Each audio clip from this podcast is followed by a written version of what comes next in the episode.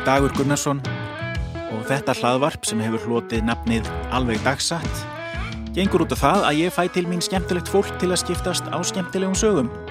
Útrúlegum, skondnum anekdótum úr hversteginum, sögum sem við höfum slípað til og sagt oftar en þrísvar.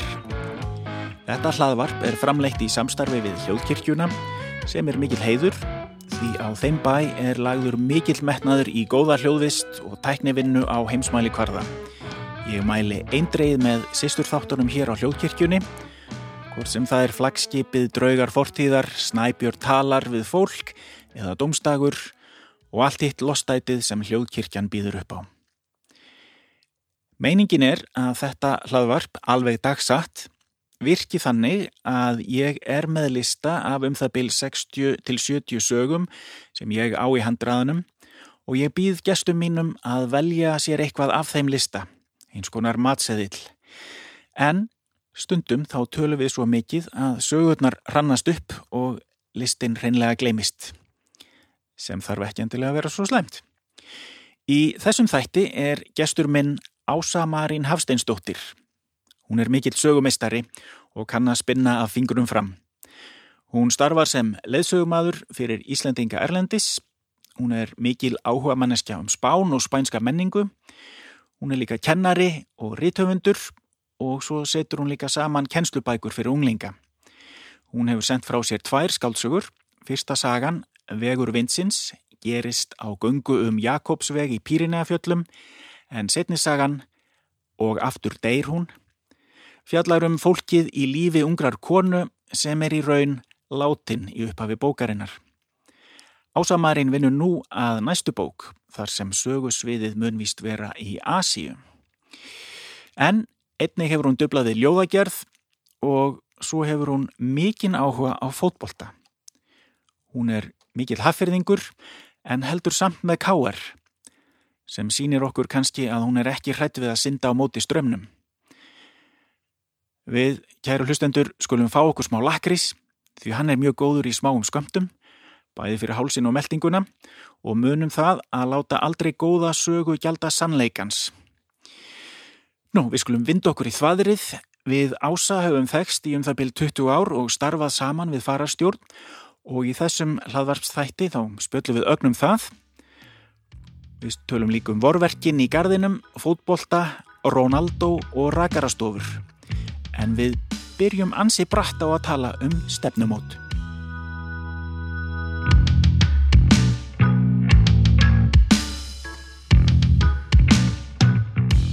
Ása, eigum að tala um stefnumót? Nei. er það ekki, ekki, ekki, ekki þín sterkasta hlið? Ég meina ekki- bara almennt. Almennt, já. Já. Ég hef heyrt um fólk sem vera á svoleið. Já, þau geta verið pínleg, skils mér. Já, þau geta alveg verið pínlega. Ég- hef, ég hef veit- ég heyrt. Ég hef ekki farið á, á stefnumót bara, ég, ég reyndar sko, ég fór ég á stefnumót með konunum minni. Nú, áður, áður en að við hérna, byrjuðum saman svona, eða svona það var ákveðið. Uh, og, og fyrsta svona, já, fyrst, fyrsta stefnumótið ég hitt hana svona á dansleik og svo ræst ég á hana einhverju skömmu síðar í, í partíi og þá var, nokkuð ljóst að, að hérna, við, við vorum höfðum áhuga hvort og öðru. Og þá bauði ég henni svona eiginlega, má segja að það hefði verið stefnumót. En að því ég var búin að hitta henni þarna þetta tvísvar, þrísvar og svona það, þetta var frekar afslappa stefnumót þannig, sko, þetta var ekki svona eitthvað þetta var ekki blind, þetta var ekki svona blind date eins og sagt er, en þetta Nei. var samt í London og uh, það hefði geta farið mjög illa sko, en við erum samt gift í dag. En, en það var þannig að ég bjó í London, í söður London og uh, næsta hérna svona neðæjaræðasta stöðin var Elephant og Castle sem er í söður London og það er neðeiglasta stöð, stöð og hún er eiginlega undir svona verslunamiðstöð sem er eina af elstu verslunamiðstöðunum í London.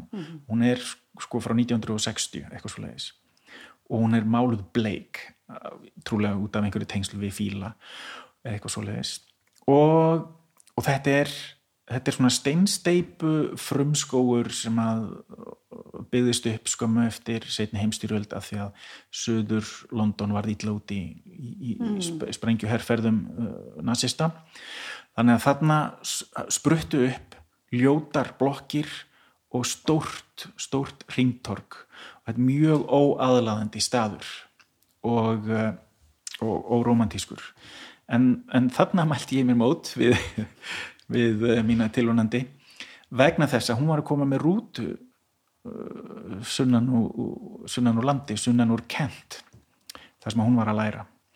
Og þannig að hún var búin að vera í þryggja tíma rútuferðalagi, eitthvað svo leiðis og tvekja og stoppar þarna og, og, og ég er þá búin að býða því að ég kem aldrei á seint. Mm -hmm. nema í möndlu tínslu og nei, það er bara regla hjá mér. Og, og þannig að ég, ég, mér svona leiðist pínlítið að standa og býða eftir því að, að, að rútan komi sko. Selfosrútan komi í bæin og, eh, og það er svona smá vísir að út í markaði. Svona að það er einhverjir kallar að selja eitthvað skran svona á planinu fyrir utan hérna, verslunum miðstöðina strætóvarnir stoppa hún var búin að sitja í rúti þrjá tíma og þú kannst ekki beði í nokkra mínútur eftir að rúta koma inn á stæði Já sko rút... Þetta er ekki að koma nógu vel út Er það ekki? Segja okkur hvernig þú hefur gleyndi tímarum á þessum út í markaði. Ég var ég var svo spenntur að, að heita þessa stúlku að, að ég kom mjög snemma og síðan senkaði rútinni þannig ég var örglega búin að býða í klukkutíma. Nei, ég semst er svona lítið kringum mig og, og ég er komin á snemma og ég, ég veit að rútan er ekkit alveg, alveg að koma og þannig ég lappa að einum básnum þarna og fyrir að tala við eh, eldri mann. Mm -hmm. trúl, já svona einhverjum arabískum ættum held ég og, eh, og og hann er að selja blóm. Og ég hugsaði mér, já, ég ætla að kaupa blóm nema hvað þetta voru gerfiblóm þetta voru mjög svona kids og ljót plastblóm. Og ég var fullkomlega meðvitaður um það og þetta átti að vera brandari. Og til að hérna býta höfuð af skömminni mm. og þetta var mjög ódýrt bara einhver nokkur pund að, að þá hérna sagði ég mannum þetta ég, ég ætla að kaupa hérna blóm sem brandar ætla að gefa hérna stúlku og hann alveg bara já og valdi eitthvað svona og setti eitthvað búnt og, og, og ég borgaði honum. Og svo sagði ég og ekki bara setja það hérna og geimi þetta hjá þér og svo skulle hafa smá leikrit og ég ætla að þykjast að stela þessu. Og hann alveg bara ha ha ha very funny sir yes. Ekkert mál. Eins og ég ætla að vera svona ofsalega impulsífur og bara svona hérna. Og það er nákvæmlega sem ég geri, hún kemur og, og rútan stoppar og hún skoppar hann út og, og við föðmumst og, og svo segi ég, aðja nú slú fara á einhvern skemmtilegri stað. Heyrðu byttu og svo tekið tvö skref til hliðar og hrifsa blómvöndin og segi hérna hlöftu og hún horfður bara þurðulosti bara hvað er að gerast? Og þá, þá líti ég á, á mannin sem er að selja blómin. Og þá er það komið svonur hann sem að veit ekki um brandarann gamli maðurinn hafi skroppið frá farið á klósettið eitthvað og það er bara ungur mjög reyður gerfiblóma sali sem horfur á mig og segir bara hvað fjandan er þú að gera? Þetta kostar hérna 3.50 og ég sagði já en ég var oh. svo ég þurfti að borga tvöfald og, og þakka fyrir að vera ekki hérna handtekinn og, og þessi stúlka horfða mér eins og ég væri fáviti og, og lappaði svo um alla London með mjög ljót gerfileg gerfiblóm þetta var okkar fyrsta stefnumót og hér erum við í dag. Tara! Tara! Allt hófst á klúðri. Virkilega ah, gott Ég reyndi, ég reyndi. Já. Já. En mér fannst hann og samt sko hann var náttúrulega svolítið klókur að drífa sér bara í pásu. Já, hann grætti þarna. Já, ég er ekkert sem að það hefur verið bara tilviljun þú ert að opna augum mín fyrir Já, þetta var bara einhver sem átti þetta góða helgi Já, þetta er grimd alheimsins er slík að mér er refsað fólk að var alltaf að taka því með fyrirvara Já, já, já, já, já. Hmm. kannski ég ætti að reyna þetta á jólamarkaðnum í Hafnafyrði, jólaþorpinu Jólaþorpinu, já, já. Hrifsa hangi læri hérna hlöftu Ekki allan að gera þetta á nunnunum það er svona Er það ljót? Já, það er ljótara. En þær myndu heldur ekki sko samþykja að taka þátt í svona leik? Nei. Nei ég myndi nei. náttúrulega aldrei stela. Ég myndi ekki, ekki þóra því. En sko. skildu þær, hjálpa þær að að ljúa til um bóðorðu um að það megi ekki stila eða ljúa eða Nei, það. Myndi, myndi ekki taka þátt í einu svona, ég get ekki ímynda mér það Eru þær með bás, sem sagt? Já, Já. Þær eru nágrannar þínir hérna Já. Já, og á svona góðu verið stöðum það eru við í björlanum hjá þeim þegar maður eru út í garðið að vinna og svona. Já. Í hennum umtölu vorverkjum. Það eru vorverkjum? Já. Það var ekki mistök. Það er okay. bara nýrði sem er mjög lýsandi fyrir þess að hennan atbyrða þurfa að þrýfa garðin sinn Já, hérna hér. Svo eru það svo gömul að ég er fann að finna svona illt í bakinu og svona þegar maður er búin að bóka reyfir einhverjum beðum hérna. Sko, ég ætla bara að benda á að það er november þegar við erum að tala saman. Og þú ert ennþá að þusa yfir vorverkunum í garðinu Já, það er rosalega stuti að þau koma áttur og þú býrði í tvíbili, það er heil hæð hérna fyrir ofan, heil fjölskylda sem er vantilega deilir Já, já, þau eru alveg dugleiri meiri sem ég sko. Nei, er það virkilega? Það kemur á óvart Nei, ég held að fólk sem talar um að það sé að vera eitthvað jóka að fara út að reyta og það er bara fólk sem býr í blokk er ekki með vorverkina. Ég, ég bara hérna lít svo á að hérna ar, arfi eigi alveg rétt á sér eins og aðrar plöndur Já, ég reyndi alveg í nokkur ár að gera sólegu að uppáhaldsblóminu mínu. Mm -hmm. að því hún var að leggja hérna undir sig garðin Já, svona skriðsóli Já, Já. En þú veist, ég var alveg þetta er gullt, þetta er fallet, þetta er fjart Já. en svo tókum við okkur til hérna í hitti fyrir að rifum upp alla skriðsólina og settum græs komum menni fyrir kattarif. Þú ert ekki að tala um Marjóana samt? Nei, nei, nei bara svona hrossagras Herðum, ég ætla að kíkja í listan þinn. Já, kíkta listan minn. Þú ert mikil áhuga manneski um fókbalta mm -hmm. Hérna stendur þegar ég var Jorge eitt fókbaltaleik í Malaga Já, ég hérna var í skóla í Granada og komst að því að Malaga og Real Madrid voru að fara að keppa. Og þá er Luis Figo komin til Malaga, nei til hérna Madrid. Og hann Raúl var líka að spila fyrir það og gott ef að sítan það ekki líka. Þetta var veist, eitthvað rosalett Real Madrid lið fyrir mörgum árum og ég sem sagt snapa mig fari frá Granaða niður til Malaga ringi þar í kennaran sem hafi kent mér í skólan sem ég var í tvö sömur og fekk að sofa á sofanum hjá henni til að komast á leikin nema svo fer ég með leigubíl á völlin, rosalega og leigubílstöður segir bara, heyrðu vinnan ég býð bara hérna þú veist, að þú farið ekkert miða á hana leik, það er lungu uppselt og ég segi, nei, nei, þú getur allir farið ég fæ allir pottitt miða. Og hann hristi bara hausinn og segi, ég hingra bara einn eftir, þú kemur það bara aftur.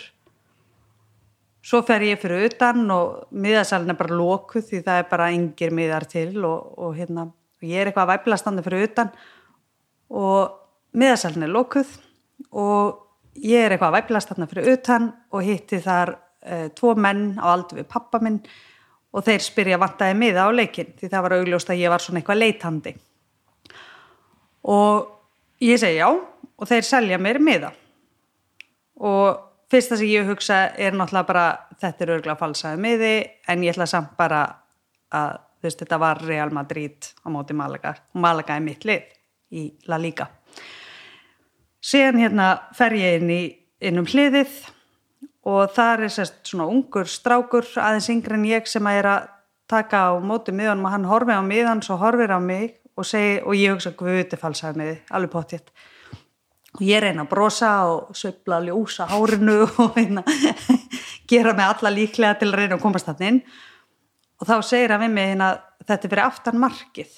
Og ég bara já já það er allt í lagi og hann var alveg, nei, þetta er fyrir aftamarkiða sem að frendi bókur Rónes eru sem eru svona húliganarnir oh. og þeir hoppa allan leikin þeir sagt, standa fyrir aftamarkið og syngja og dansa og hoppa og eru með læti. Þetta er svona tólvan Svona tólvan pluss slagsmál. Því að það yfirlega enda með því einhver fyrir slag og ég eitthvað, já, já, já, þetta er bara allt í fyrir bara ókslega ána að fá miða á leikin ég ætla ekki að fara að láta einhver, einhver rækju sem var yngri ég segja mér að ég mætti ekki standa hann og hoppa með einhverjum húligunum þannig að hann svo að hristi bara hausinn og kallar eitthvað í svona talstu og ég alveg, ó, nei, nú bara vísa mér af ellinum nema það kemur einhver eldri maður og leysir hann af og hann fylgir mér svona á bakvið stúkuna, þú veist, þess að horfi bara á sætaröðinni upp í loftinu, þú veist, ég bara komin í eitthvað svona stálvirki hérna undir og, og við erum búin að fara hérna alveg fram hjá tveim, þreim öðrum engöngum og, og alltaf eldi ég bara eina gaur og svo enda með við komum upp.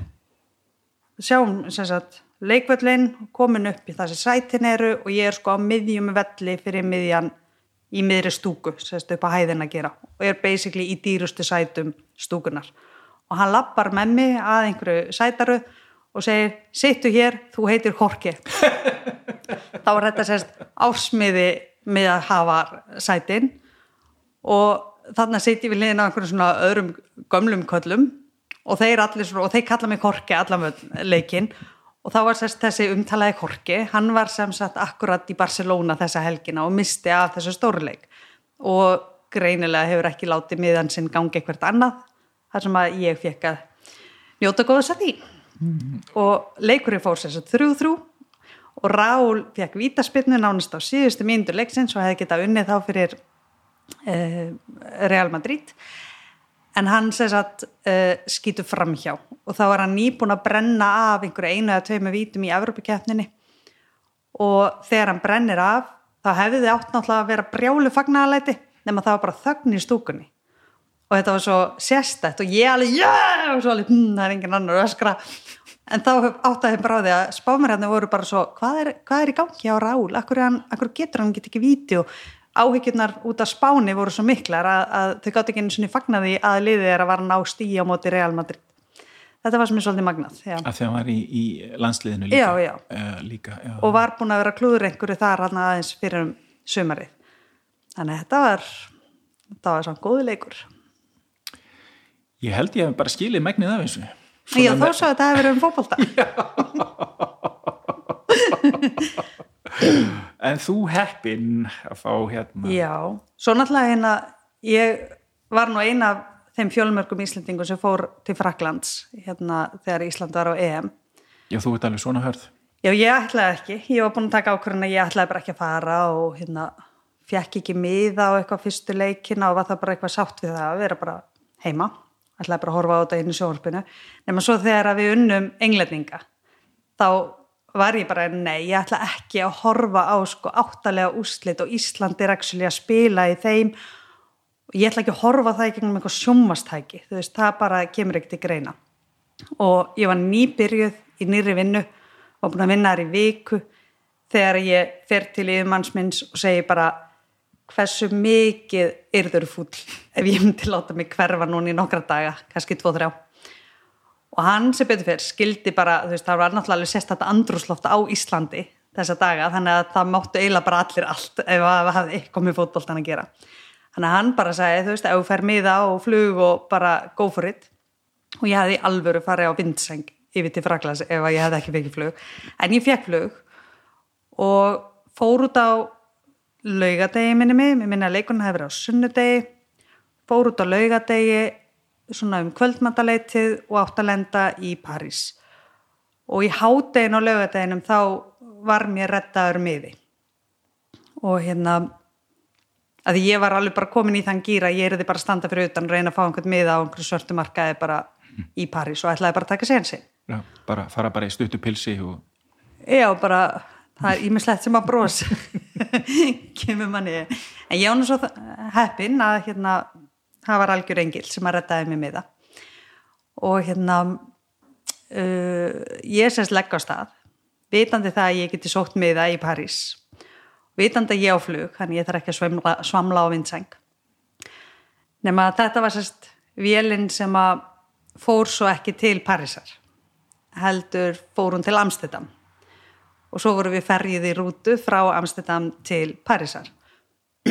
Og þetta var eitthvað hollensk leiguflugvel hann að ódrast fyrir flugfélagi hefur bara verið að lenda í Hollandi. Mm. og redda einhver rútum og hérna og það verður náttúrulega mjög margir fellega fúlir.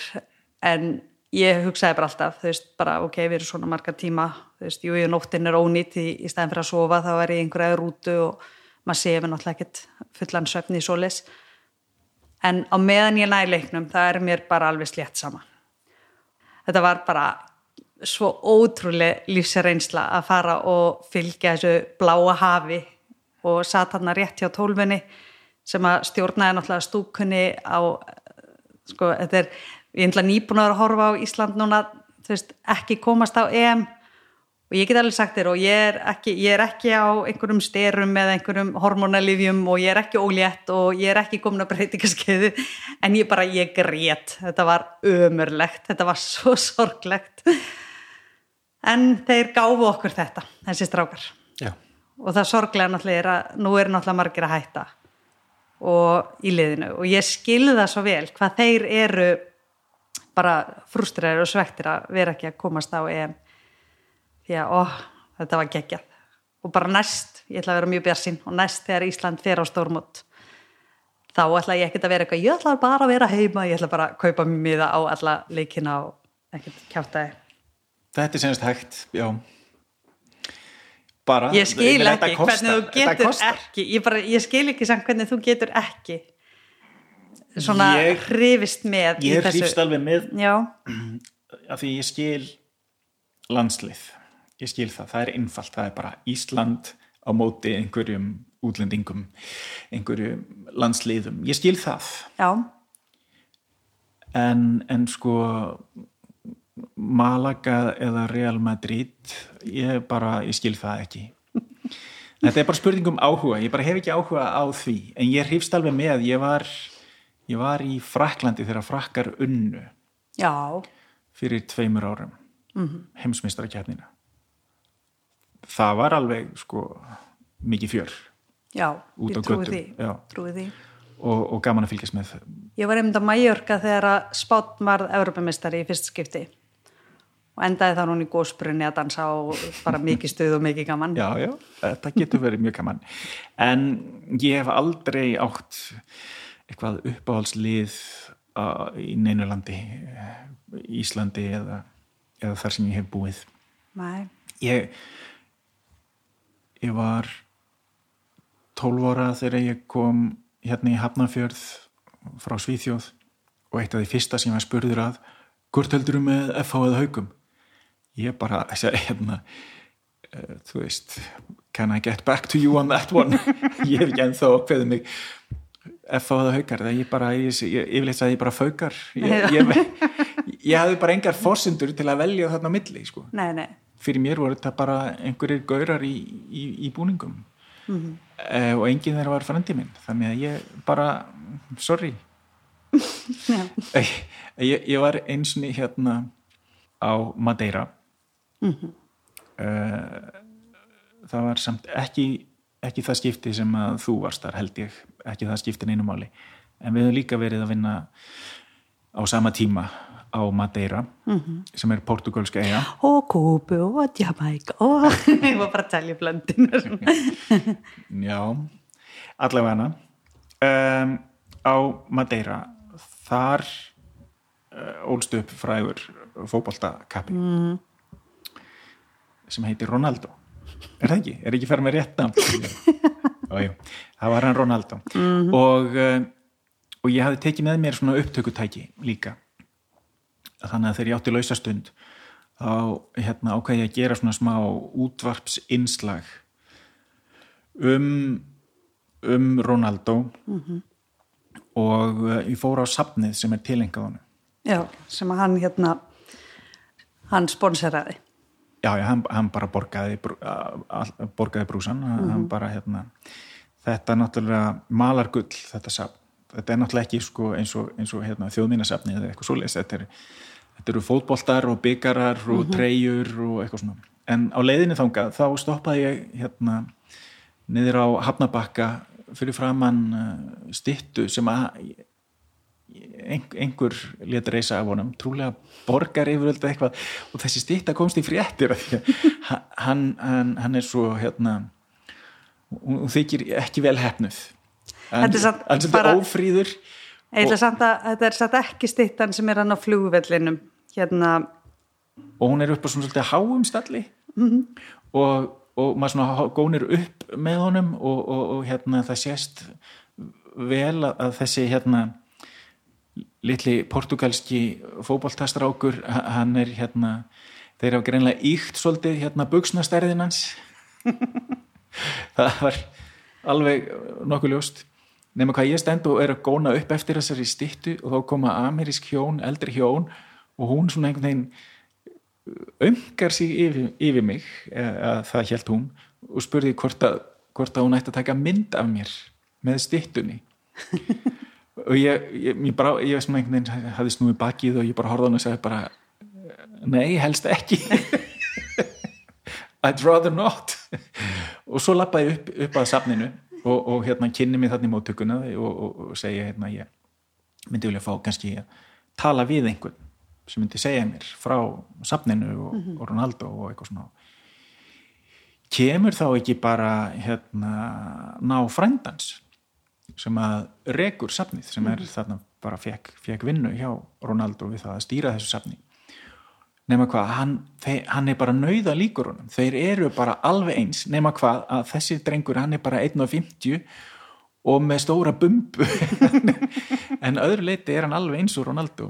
Og, og, og hann veitti mér þarna mjög gott viðtal og dásamaði alla boltana og byggarana sem ég vissi ekkit um og hafði engan áhuga en ég var svona að leita að einhverju, einhverju sjónarhorni sem geti verið skemmtilegt fyrir hlustendur og uh, já, það er, það er semst þannig að ef þú skorar þrennu í leik þá er hefð fyrir því að þú, þú mátt eiga boltan og, og mjög gjarnan árita allir aðrir sem að tóku þátt í þessum leik. Boltan, boltan og hann var með bara skriljón svona bolta, alveg mjög marga. Og síðan, síðan er þarna er þarna uh, stitta inn í safninu vaksbrúða sem er bara alveg eins og hann. Og síðan er svona fótspor, maður getur staðið þétt við hliðina á þessari vaksbrúðu sem að var gerð sko í, á verstaði Madame Tussauds í, í London. Og hún kostaði 70.000 uh, sterlingspund. Já sem er alveg bara miljónir Ég var látt spáði að láta gera svo stikka mig ekki alveg hætti við það maður. Og hann bara, hann bara, hann bara kefti, hann borgaði þetta 70.000 pund hérna ein, ein svona stitta af sjálfum þeir og ég fór stóð við hliðin á þessari stittu og, og hérna frændin tók, tók mynd. Og ég er svona, nei þetta getur ekki verið. Ég, ég, ég er 1.77 á hæð og ég þurfti svona að líta upp til hans. Og ég hugsaði mér, þetta getur ekki verið. Ég hef ekki séð ein, einasta mann á þessari litlu eigu sem er stærri en ég. Þetta, þetta er lágvaksin þjóð, það er bara staðarmynd og, og er, er á ég þá að trúa því að allt innu sé, sé bara ein gorkúla sem er, er hérna 1.90 ég bara trúi því ekki. En allavega um, síðan sagðan hérna er líka mjög hérna, skemmtilega tæk, tækni þróun þetta er nýlunda hérna á safninu. Uh, statú hérna horfið myndavélina og þá serðu hérna á skjá að, að Ronaldo mætir og, og, og, og það, þannig síður tölvan saman hérna svona vídeo af þér og Ronaldo og svo, svo er þetta að taka einn ramma úr því og þá færð þú að eiga þessa mynd. Nema hvað, ég ger alltaf eitthvað vittlust maður gefur svona að tali niður þrýr, tveir, einn og brosa og ég var alltaf ha? og líta eitthvað annað sem er svolítið merkilegt að því ég er mentaði ljósmyndari að ég get ekki setið fyrir einni mynd og ég hefði bara, hvað ég ger, settu hendina svona út, þá er svona eins og þú sért að halda um öxlin á hann og því séu rosalega góður vinnir og ég sagði, já, heyrðu, byttu og hann sérst ítir á einhver takka til að telja niður og hann bara, stopp, stopp, stopp, hvað er þetta að gera? Þá er ég svona búin að snúa mér á hann og setja stút á varinnar eins, og ég ætlaði að kissa hann. Og hérna og það kom bara svona, svona hækkun í röddina að, að hann sagði you want to kiss him og þetta var bara eins og eins og að labba labba, labba inn, inn, inn í dómkirkju og, og, og hérna gera eitthvað dónalegt við, við, við Jésu á krossinum sko, hann var bara þetta kom ekki til greina. Að, gera, gera grín að karlmennsku Ronaldos. Þið áttu ekki að vera svona vinnir. nei. Þetta, það, þetta gera bara stelpurnar segðan og hún fannst þetta greinilega hérna, eitthvað, eitthvað gay Og ertu búin að fletta því upp hvað er Ronaldo er raun og veru hávaksin? nei, ég það er bara leiðinlegt þá, þá kom bara einhverja staðreindir þetta þetta þetta er bara saga En það, Stað- það, það var annarlega gerð önnur stytta, svona svo brjóstmynd. já, Um, hún er held ég á flugvöllinu. já, Sú mynd var um þannig að þegar Ronaldo var sjálfur að afhjúpana, að þá var þetta svona alveg mega vandræðilegt. Því styttan er bara sko eins og einhver afskræming af Ronaldo. Þetta er alveg svona vandræðilega lélega stytta. Og mér minnir að þetta hafi með þess að enda þannig að lista uh, myndhögvarinn eða listamæðurinn, hann að fengi styttuna basically senda tilbaka og átt að laga hana.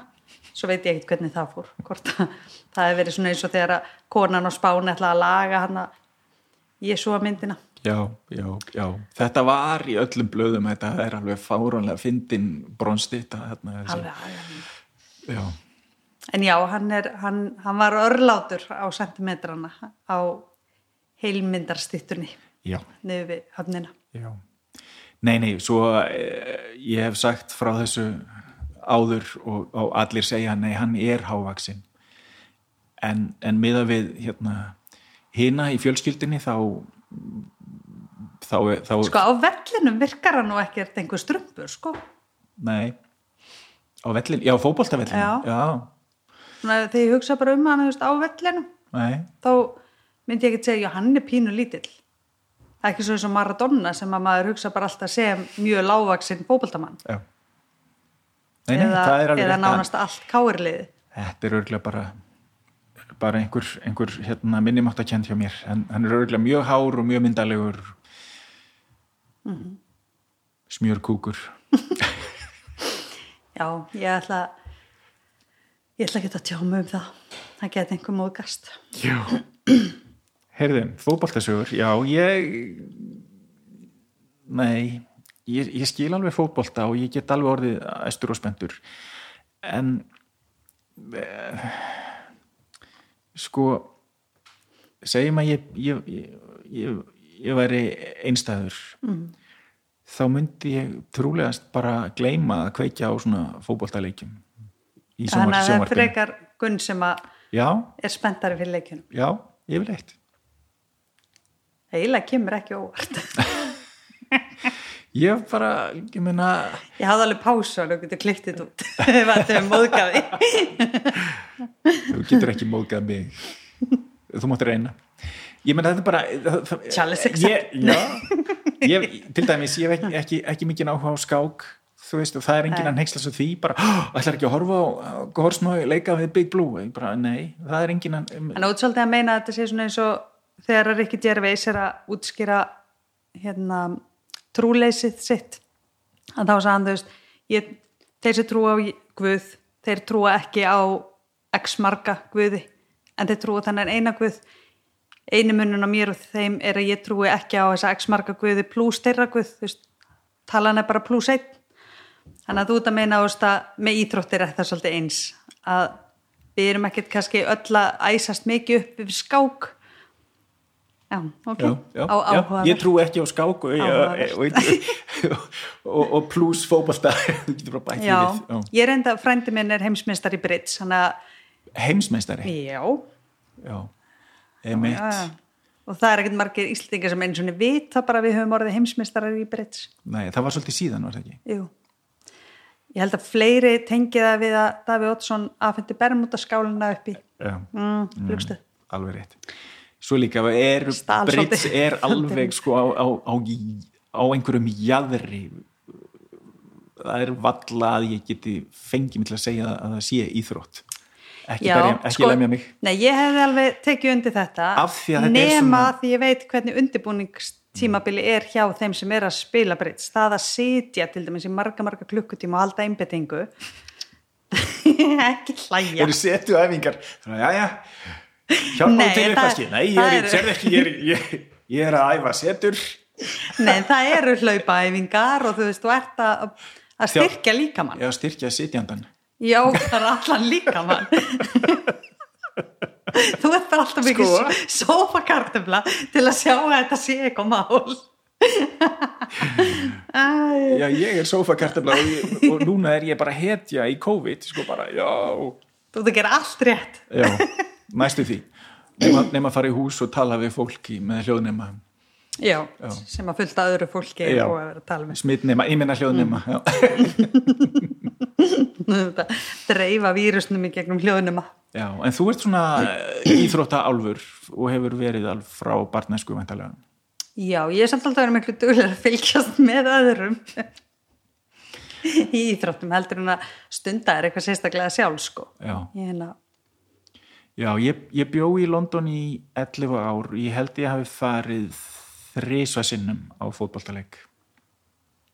það er náttúrulega rosalega illa nýtt tækifæri.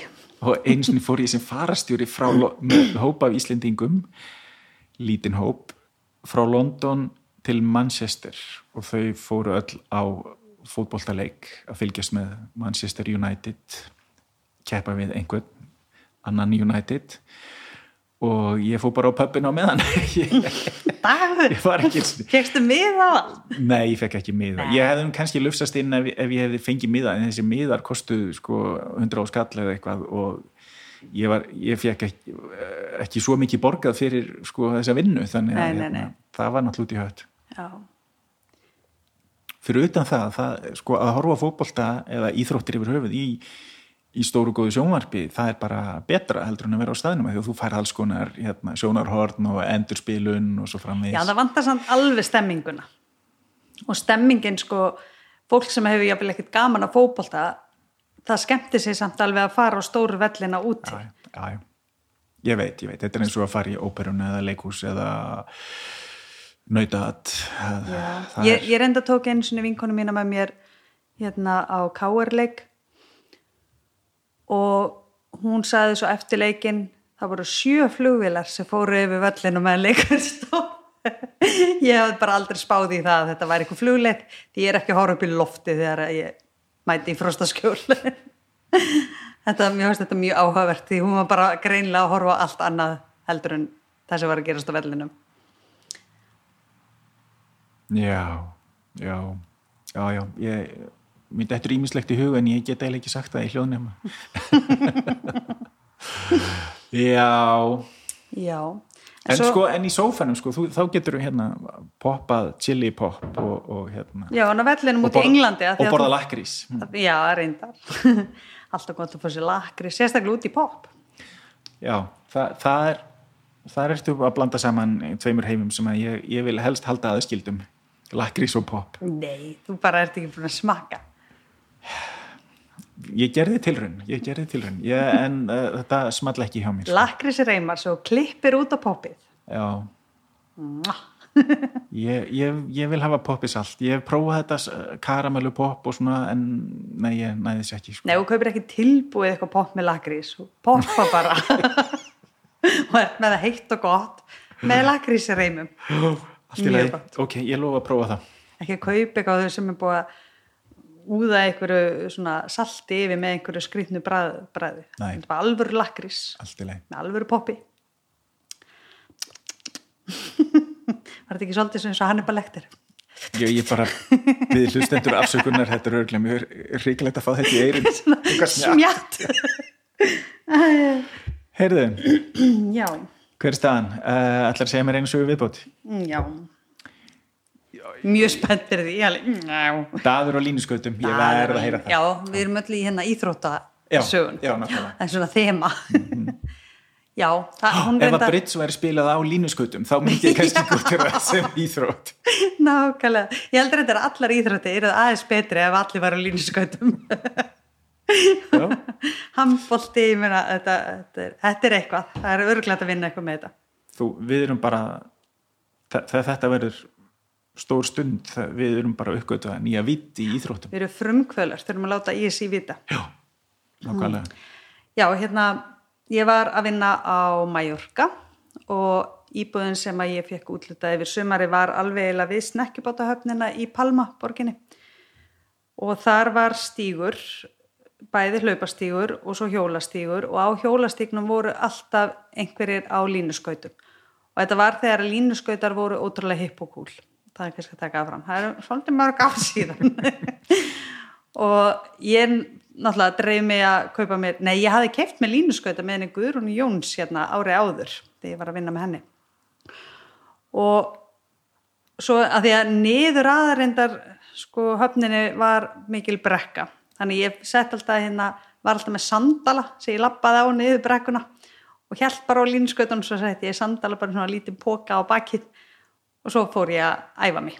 En svo er ég búin að fara alla, allan stíin alveg bara út að kastalanum sem er hana rétt hjá þessum að sömarhús eh, kongsins er. Þegar ég er að fara að snúa við og þá mæti mér þessi rosa Fabio á línskautum alveg ólíu smurður og, og flottur og segir við mig, heyrðu vinnan þetta myndir nú ganga betur hjá þér og hreyfiði fæturna meir en hendurnar þannig að þetta daður á línskautum en það var bara kalt henni það var alltaf bara megadiss Var hann, var, hafði hann verið að skauta á eftir þér og, og fannst þú vera hérna eitthvað? Fannst ég eitthvað svibla höndunum eitthvað og mikið? Ég var bara reymbast að halda jafnvægi. en það var alltaf svo leiðilegt að rétt áður, þá var ég grinnlöst, mér fannst það ganga svo vel hjá mér, að ég var grinnlöst fann að veltaði fyrir mig hvort að vera yngar svo að línaskauta keppnir, þú veist, eftir æjusíðinni ja, sem að ég geti bara taka þátt í. Þú veist alveg sviss, sviss. Já, ég var alveg sviss, sviss og svo bara var ég dissu þetta við kastalan. Já mm. Hvað kallaði hann Fabio? Já, svo er, það, er það svona strandljón? Nei, sko, nei, Fabio var það ekki einhver svona gaur sem að var á öllum hana Daniel Steele skáldsjónum það var eitthvað svona kápumódel fyrir einhverja svona romantískar ástasögur þar sem að var alltaf með blásið hár og okay. þannig að í mínum höfu er bara Fabio er svona slísi gaur sem að Þetta var tilvitnun sem að fóra yfir hausamótin hjá mér sko. Alveg svo daginn þegar ég reynda að tala eitthvað Billie Eilish og já. það sló heldur ekki í gegn. Já, þú ert að í að því að ég sé hérna æfa forn Ég ætla að vera eitthvað skaldur að æfa forn Gamall. Allt í lagi. Þetta verður eitthvað setja þetta í sparfjötin þessi æsku dýrkun veður upp í samfélaginu allir reyja þeirra einhverju Fabjóm og Billie Eilish með grænt hár. Mann þetta við lónu eitt þannig að því þegar við vorum að vinna saman að svona einu skipti sem við urðum virkilega vör við að ég er þetta einhverjum góðum áratug yngreð þú að var þegar að þú varst að tala um tónlist eða bíómyndir og ég var að tala um tónlist og bíómyndir. Því þá vorum við bara ekkert á sama stað í því. Nei. en það er bara gaman. Það er maður ekki alltaf verið að tala við jafnaldra sína sko. Mannskemmandi. Mannskemmandi. Allt í lagi, það er það þess þú ert miklu yngri en ég. Það er bara góðu lagi. Ég er Já, ég, hef engar, bara... engar áhyggjur af því að vera eitthvað eldri en aðrir. Ég, uh, mér finnst bara fínt að, að, á meðan ég get hérna gengið óstuttur þá finnst mér það bara allt í lægi ég skammast mér ekkert fyrir það. Líka meðan að maður er ekki að þykjast vera eitthvað yngre en maður er.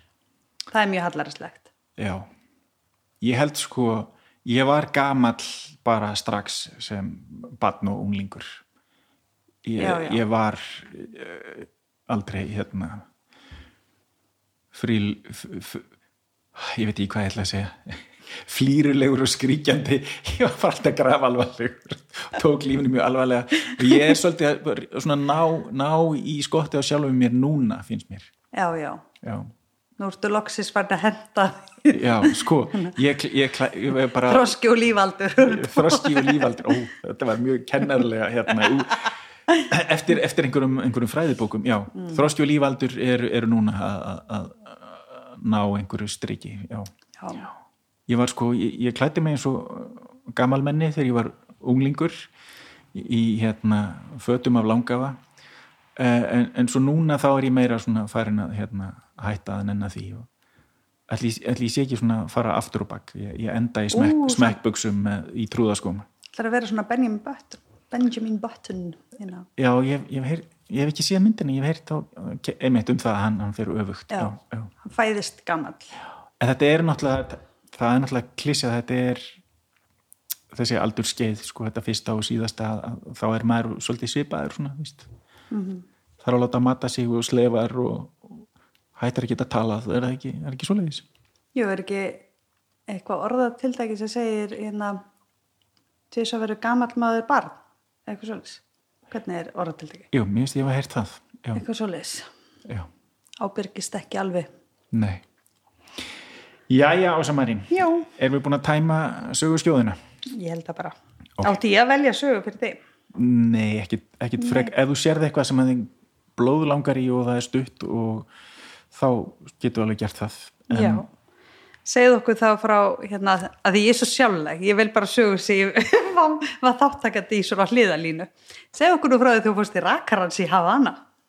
Já, já eh, það, það er svona það er ekkit svona dadambum tss, saga, það er bara svona stemning ég hef gaman að því að Ég held samt að þetta er góður að segja henni í dag, þú ert í svo ljóðuræna fíling. og ég hef ekki farið til rakarinn svo lengi út af COVID Já. Já, ég hef gaman að því að fara til rakarans það er svona einhver heimur sem að við kallarnir eigum út af fyrir okkur mm rakarastofan og, og það er svona það, þar á rakarastofinni kemst maður svolítið nær einhverjum menningu þess lands sem maður er stættur í hverju sinni. Þannig að ég, ég fer alltaf á rakarastofu ef ég er á ferðalegi einhver staðar, ef ég mögulega get. Og helst reyni ég að finna sko, og líka hérna heima reyni ég að finna uh, svona eld, eldri borgara rakarastofur og gamlar og, og, og hérna sexy að því leiti sko. ekki einhverjar nýtískulegar hip-hop rakarastofur heldur þessar sem maður sér í bíamyndunum og, eh, Klassískar. já, síkildar og, uh, og ég vil ekkit einhverja unga menn sem að hérna, klippa mig með einhverju límal eh, nýtísku greiðslu eða nýjustu sort. Ég vil bara fá sögur. Nema hvað að í Havana það sem að þú varst líka þar uh, þefa ég upp í eina rakarstofu og, og ég, ég, ég geng inn um svona, svona sveiflandi kúreka hlera dyr. Af því að það er svo heitt úti og það er svo gott að láta bara gusta, gusta þarna um af því að þeir eru ekki með svona rafmaks loftkælingu þannig ég kem inn bara eins og kúriki á, á, á, á kúrikakrá í gamalli kúrikamynd nema hvað þessi rakarstofa er ótrúlega stór. Hún er bara eins og, eins og hlemmur sko ef það væri engin barborð eða neitt þar inni. Hún, það eru örglega svona 30 stólar við sitt gott veggin og í miðjunni eru svona bekkir, svona eins og strætóstoppistuð og það er nóg pláss. Og, og, og það er það sitja kallar í öllum stólunum og það er sem sagt engin laus ég kem inn og hugsa mér, já flott ég get þá bara spottað einhvern eldri kall í hvítum sloppi og greiðun upp úr brjóstvasanum og, og, og ég bara býð hér og, og, og soga í mig andrumsloftið og fíla mig. En ég er bara búin að taka eitt skref inn á gólfið þarna þegar að ungur strákur veifar greiðinu og segir senjór, senjór, hérna, hérna er laust og mér langaði ekki að láta einhvern hérna átjan ára gutta að klippa mig, ég vildi fá sögurnar frá gamla kallinu með vindilinn í munnveikinu og, og, og sem var ekki að flýta sér og myndi ekki hérna klippa mig einhverja ra raka hérna einhverja skárönd í skallan á mér. Og hérna eins og, eins og maður segir. En hann einhvern veginn bara galar á mig og vekur aðtekla á mér. Ég einhvern veginn fer að fara hjá mér bara já allt í lagi, ég bara læt undan ég fer ekki að segja nei, ég tala ekki til þig ég get ekki útskýrt það, þannig að ég bara já, en það var líka með viðskiptavinn í stólnum. Það var bara maður sem var að raka sem, sagt, hérna, sem var bara með sápu löðrið á hökunni sem situr þarna bara og horfir upp í loft og er eins og döðadæmdur og ég kem bara, já eh, ég, ég hingra bara hérna á bekknum. Nei, nei, nei, nei, og bara stígur á einhver, einhver, einhver petala og bara skúpar manninum úr stólnum. Þessi getur alveg beðið og hann var hálfrakaður hann bara með sápu öðrum megin í svona laki og, og, hérna, og hann þegar hann sér mig bara já, já, gjör svo vel, bara þú er næstur. Ég, ég sagði það liggur ekkit á. Gjör.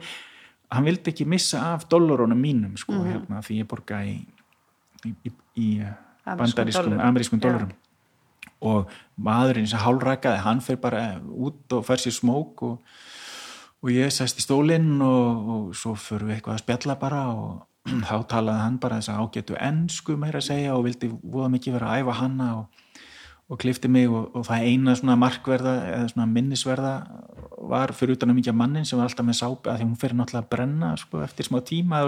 Ef þú skólar ekki sápu fram að núrið þá, þá fer það að svíða. Ég er nokkuð viss um það. En ég lít svona í speilin og, og hérna þá er bara maður sem hjó, hann styrtir sér leið á reyðhjóli í gegnum rækkarastúðuna þetta var það mikið svona eins og bara hlemur já, bara eins og, og strætóstoppistöð. Eins og hlemur var. Ding ding. Og uh, ég fekk þess að bara ágætu normal, vennilögu klippingu og ég passaði má að að gefa þjórfíi og, og þetta var svona smá saga á baku þetta þannig sko. Samt ekki eins og í London. Þar, það var meiri saga vegna þess að þá fór ég klippingu. Mjög ódýra klippingu bara 5 pund. Já. bara 500 kall. Og uh, ég fer inn á bara svona bókstandard vennjulega ragarstu það er ekkert fansi við hennar hún er hvorki uh, ekkert svona sérstaklega karlægt við hennar gott eða voru ekki konur þarna líka í lagningu eða eitthvað. En hún var svona solti stór og mjög busy mikið að gera og, og ég býð, þarf að býða í smá stund. Og svo aftur er það mjög ungur maður sem klippi mig og, og hann tekur upp eitthvað svona hjál svona já og e, hvað starfar þú við? segir hann við mig.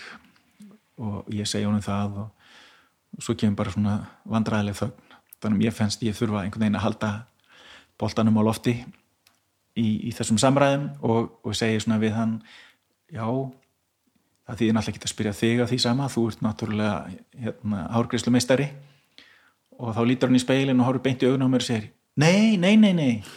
Ég er bifilega virki og svo bendur hann hinn með göttuna og það er fíat verstaði ég er sko, sko bifilega virki ég er bara að hjálpa frænda mínum. Og ég sagði, það er bara ekkit mál. Nei, nei, klippa svona hár, nei, nei, þetta er bara bara rakvelin hérna, bara stuttu aftan og í hliðunum og svo klippum maður hans toppin og, og, og bingo, 5 pund, takk fyrir þannig að það var bifilega virki sem ég klippti mér í London.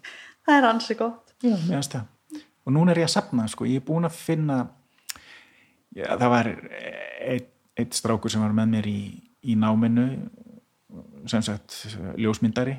Hann hérna átti svona klippur og, og rakkaði eins og svona stutt í nakkan á mér. Þannig að ég get sagt að það var biflevirki og ljósmyndari sem hafa klift mig. Þó það hafi nú kannski já, þú veist það var meira svona bara í heimahúsi og, og ekki alvöru klipping þannig. Nei, nei. En svo er einn svona að segja þessu sögu í stólnum hjá honum stjúra sem er rakari sem að klippir svona inn í, út í hodni í herrafattaverslun Kormáks og Skjaldar. já, og uh, ég var að segja honum þetta og hann alveg já þetta var fyrir nokkrum árum.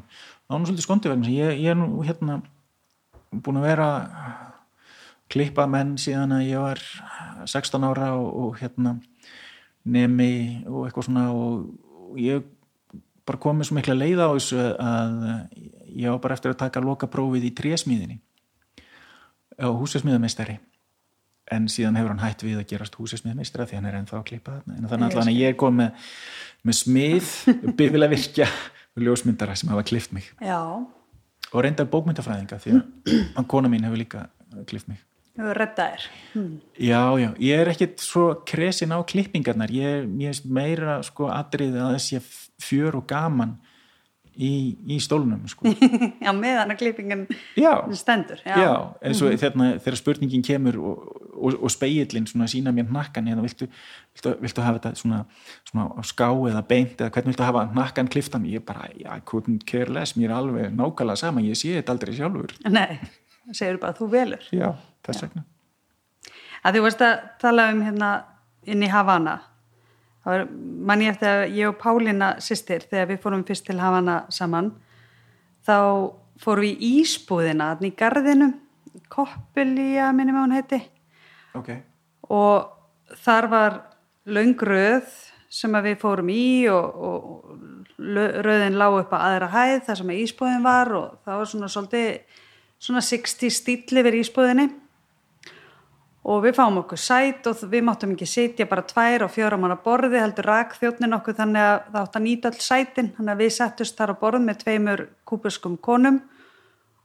Og svo eru þær búnar að fá sinn ís og það var í svona plastskálum og þetta var bara vanilís eða sukulægis og þjóttnin kemur svo og horfir á okkur sýstu mína og segir byrju, ætli þið að borga með peso? Nei, nei, segi, segi við við um dollara, getum við ekki borga með þeim?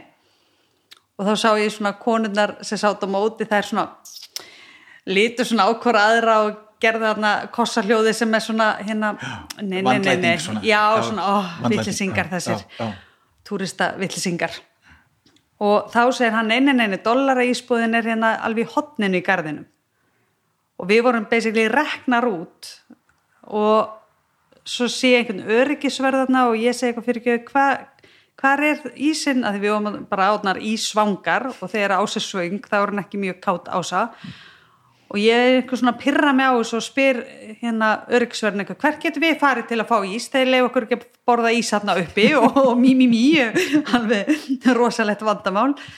Og þá röltir hann með okkur bara þar sem að, að dollara ísbúðin er og segir á leiðin eitthvað þið vilja ekkit ísinn þarna uppi. Og ég alveg hvað meinar viljum við ekki? Við vorum sestar, við vildum fá hann ís. Og finnst ennþá hann alveg að ránglega verið brotið á okkur. Og þá segir hann hérna já en ísinn uppi er svo vasthindur og útlendinga þóla nú bara yfirleitt ekkit kranavatni hérna, þannig að við erum ekkit að selja ykkur hennar ís. Svo fer hann með okkur í svona hérna, sem hann reyndar svona eins og úti ísbúð, það var ekki inn í húsi. Hann að þú veist að njóta garsins þar sem þú sast og þar voru svona glerkrukkur smart fyrir ísinn og við gáttum valið að um alveg 5-6 bræðtegundir og, og þegar við sátum hana með þú veist okkar fína útlendinga ís þá samt var maður svona veist þetta tvöfalda hagkerfi í kúpu þetta var svo rosalega skýrt dæmi um það. Og það er svo hérna við vorum að segja bara við ykkur aðra þú veist er, þú veist, það er kúpa fyrir kúperi og svo kúpa fyrir útlendinga. Og væri maður alltaf alveg sáttur um að væri bara með kúpu fyrir sig sem heimamann. En þessi ísbúð, hún er svona hún kjarnaði alveg þessa mismunun sem er í landi sem á að ríkja þetta jafnbretti í og, og kannski líka þegar við fórum á nætuklúbin og það kostiði 20 dollara inn og það var fullt af kúperum aðna inni. Og það hugsa maður með sig, það er náttúrulega engin jöfnur hér frekar en annar staðar því að það geti ekkert allir sem við höfum hitt í þessari ferð borga 20 dollara til að fara á okkur nætuklub Nei, þannig að hafa hana. Já, já, það er þetta með kommunisman, þetta hefur ekki alveg gengið upp. Nei, þetta er svona, þetta er kannski falli hugsun en hún er einhvern veginn ekki alveg eins og svo margt, ekki náða einhvern veginn ég veit ekki hvernig ég enda þetta á þess að koma með einhver vandraði Og að þessum léttunótum ása heims og sóma, allt er að fæta í fjandans. Þá ætla ég bara að þakka þið fyrir spjallið. Já, takk sem leiðis Það er alltaf til anskot svo við fyrir bóluefni. Við erum að fara að geta ferðast aftur. Já, það er ekki í hendi en Nei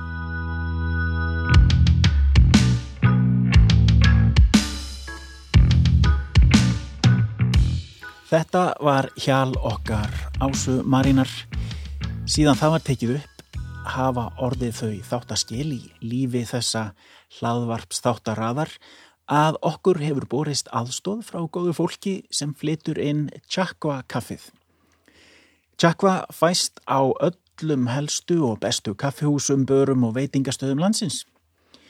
Ég treysti mér til að fullira það. Og uh, Það má nefna Kaffi Rosenberg í Kvosin í Reykjavík sem dæmi.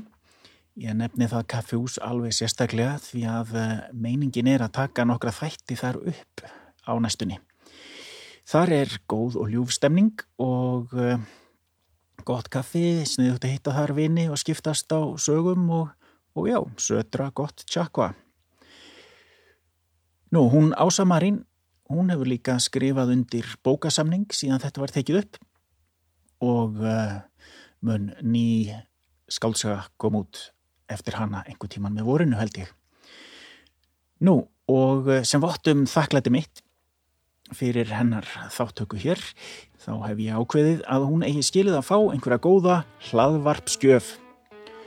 Og þar sem hún flissar eins og engin önnur, þá hef ég ákveðið að hún eigi að fá sin eigin flisskött, sem er alveg sérstakt útvarpskælu dýr sem ekki þarf neina umönnun.